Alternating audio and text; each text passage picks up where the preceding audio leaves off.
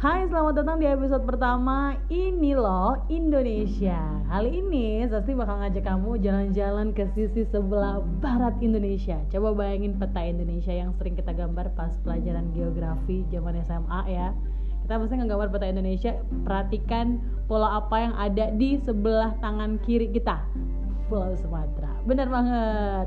Senang banget kita bakal bersapa lebih intim soal Indonesia melalui walaupun melalui audio podcast doang tetapi mudah-mudahan setelah pandemi ini kita bisa nih ngunjungin tempat-tempat yang kita bahas di podcast ini loh Indonesia.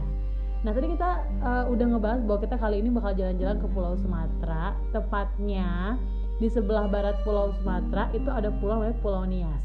Kalau dulu teman-teman punya pecahan uang seribu yang ada gambar orang lagi lompatin batu, nah kita bakal jalan-jalan ke pulau yang punya tradisi lompat batu yaitu Pulau Nias sebenarnya secara administratif si Pulau Nias itu ada di daerah Sumatera Utara. Tapi kalau di peta dia tuh ada di sebelah baratnya Pulau Sumatera. Kalau misalnya teman-teman googling nih sambil dengerin podcast ini loh Indonesia episode pertama Pulau Nias itu sebenarnya unik banget teman-teman. Kenapa unik? Karena Pulau Nias ini ternyata terdiri dari lima daerah administrasi. Ada satu kota sama empat kabupaten. Dan kalau misalnya teman-teman buka website museum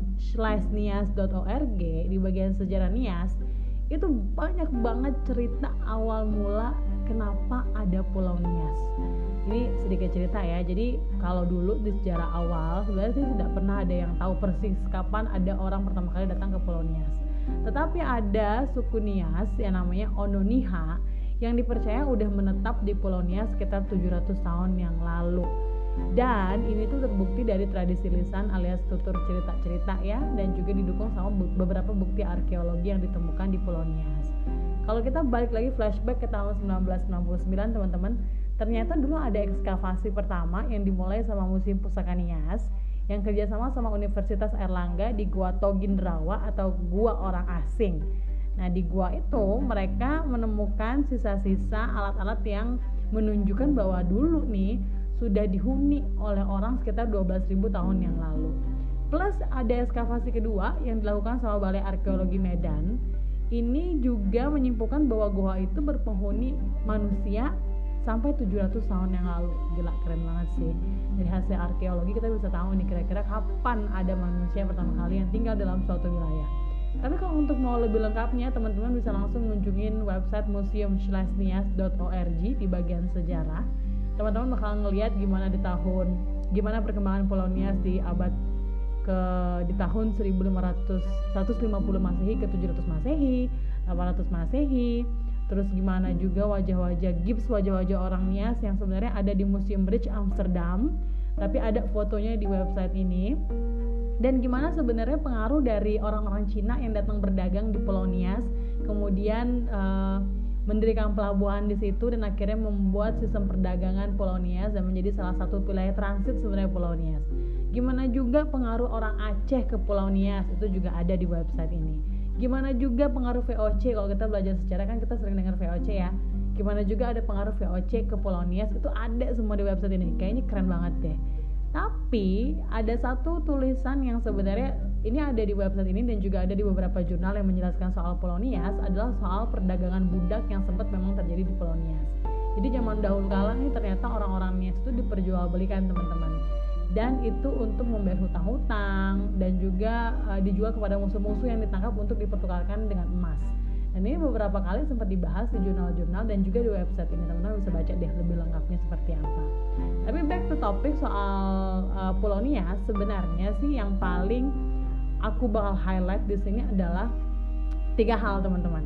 Yang pertama adalah hukum adat Nias atau Fondrako. Yang kedua adalah uh, budaya adu satwa di Nias. Dan yang ketiga adalah soal pariwisata Nias yang ternyata salah satu pariwisatanya itu dinobatkan sebagai pariwisata ombak pantai terbaik di dunia. Gila keren kan ya? Indonesia ternyata punya yang kayak begini loh. Tapi sayang kita tidak bisa ke sana. Belum terlalu sering bisa ke sana.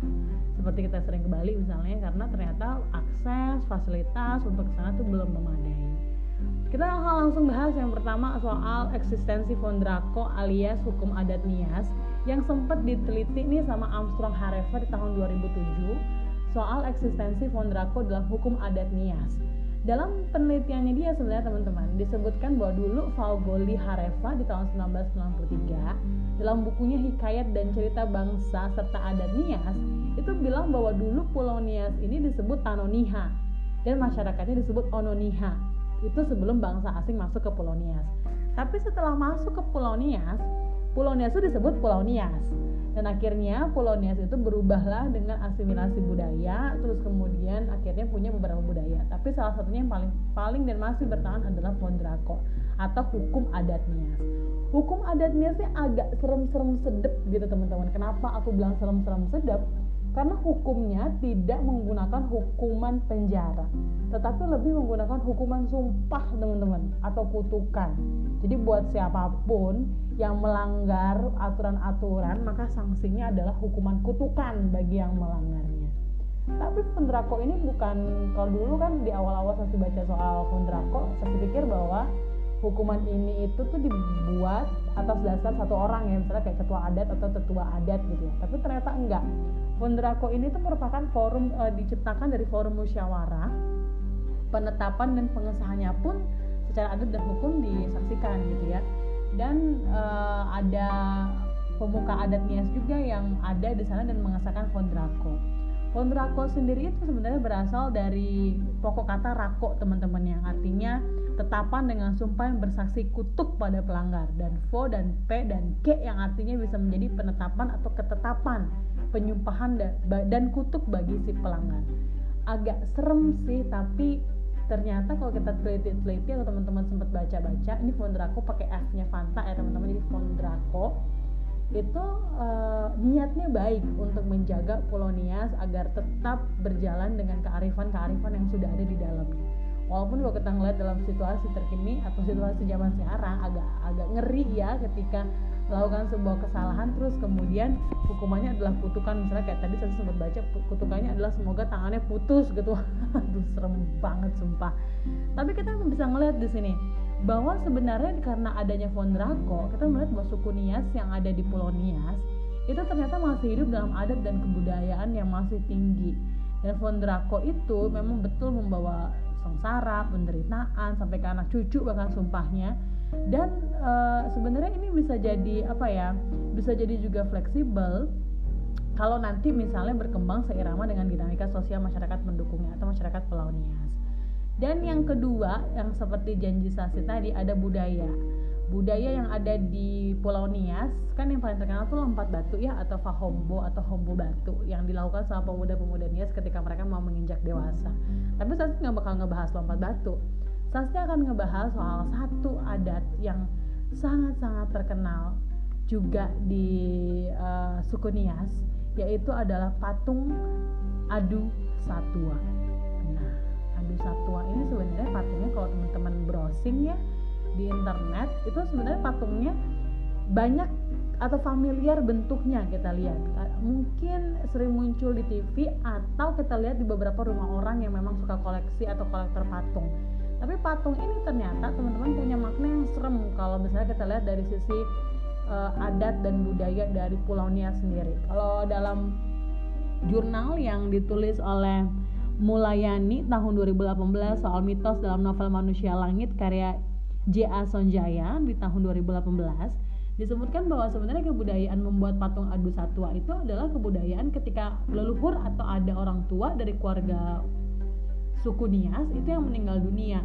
Jadi patung itu digunakan sebagai medium untuk mengenang dan berbicara atau berkomunikasi dengan uh, para leluhur atau orang tua yang sudah meninggal dunia patung-patung ini pun sebenarnya ditempatkan di tempat-tempat yang uh, di dalam rumah gitu ya. Jadi di kisi-kisi tembok ataupun yang tiang penyangga utama rumah. Dan kita sering banget akan melihat itu sebenarnya di dalam rumah uh, masyarakat suku Nias.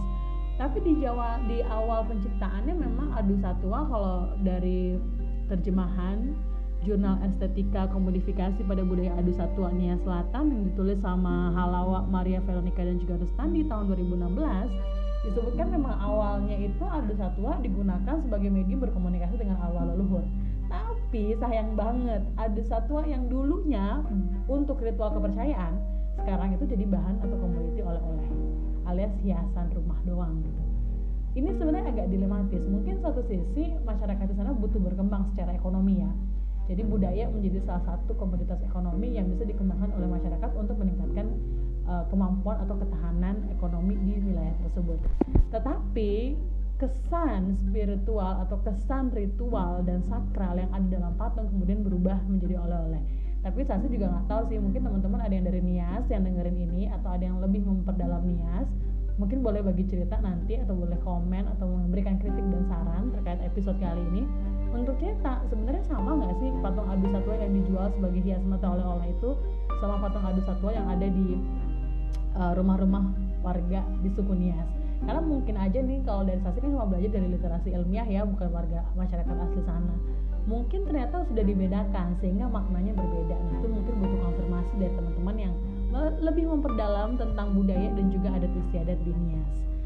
Nah, selain tadi Fondrako dan Aldu Satua, teman-teman, ternyata eh ternyata Nias itu punya tempat pariwisata yang kece banget teman-teman. Jadi kalau misalnya dari penelitian Helmut Weber tahun 1996 soal sektor pariwisata di Pulau Nias Nias tuh sebenarnya punya beberapa lokasi wisata yang cukup menarik. Misalnya adalah Pantai Lagundri dan juga Sorake. Kalau pantai Sorake itu terkenal sebagai pantai peselancar karena ombaknya cukup stabil dan bahkan ombak terstabil di dunia gitu ya paling stabil di dunia tapi sayang tidak banyak yang berhasil ke pantai itu untuk menikmati ombaknya mungkin berselancar. Karena memang akses menuju ke sana itu masih jelek. Saya sih nggak tahu update di 2021 tapi saya sudah cari-cari literasi ilmiah.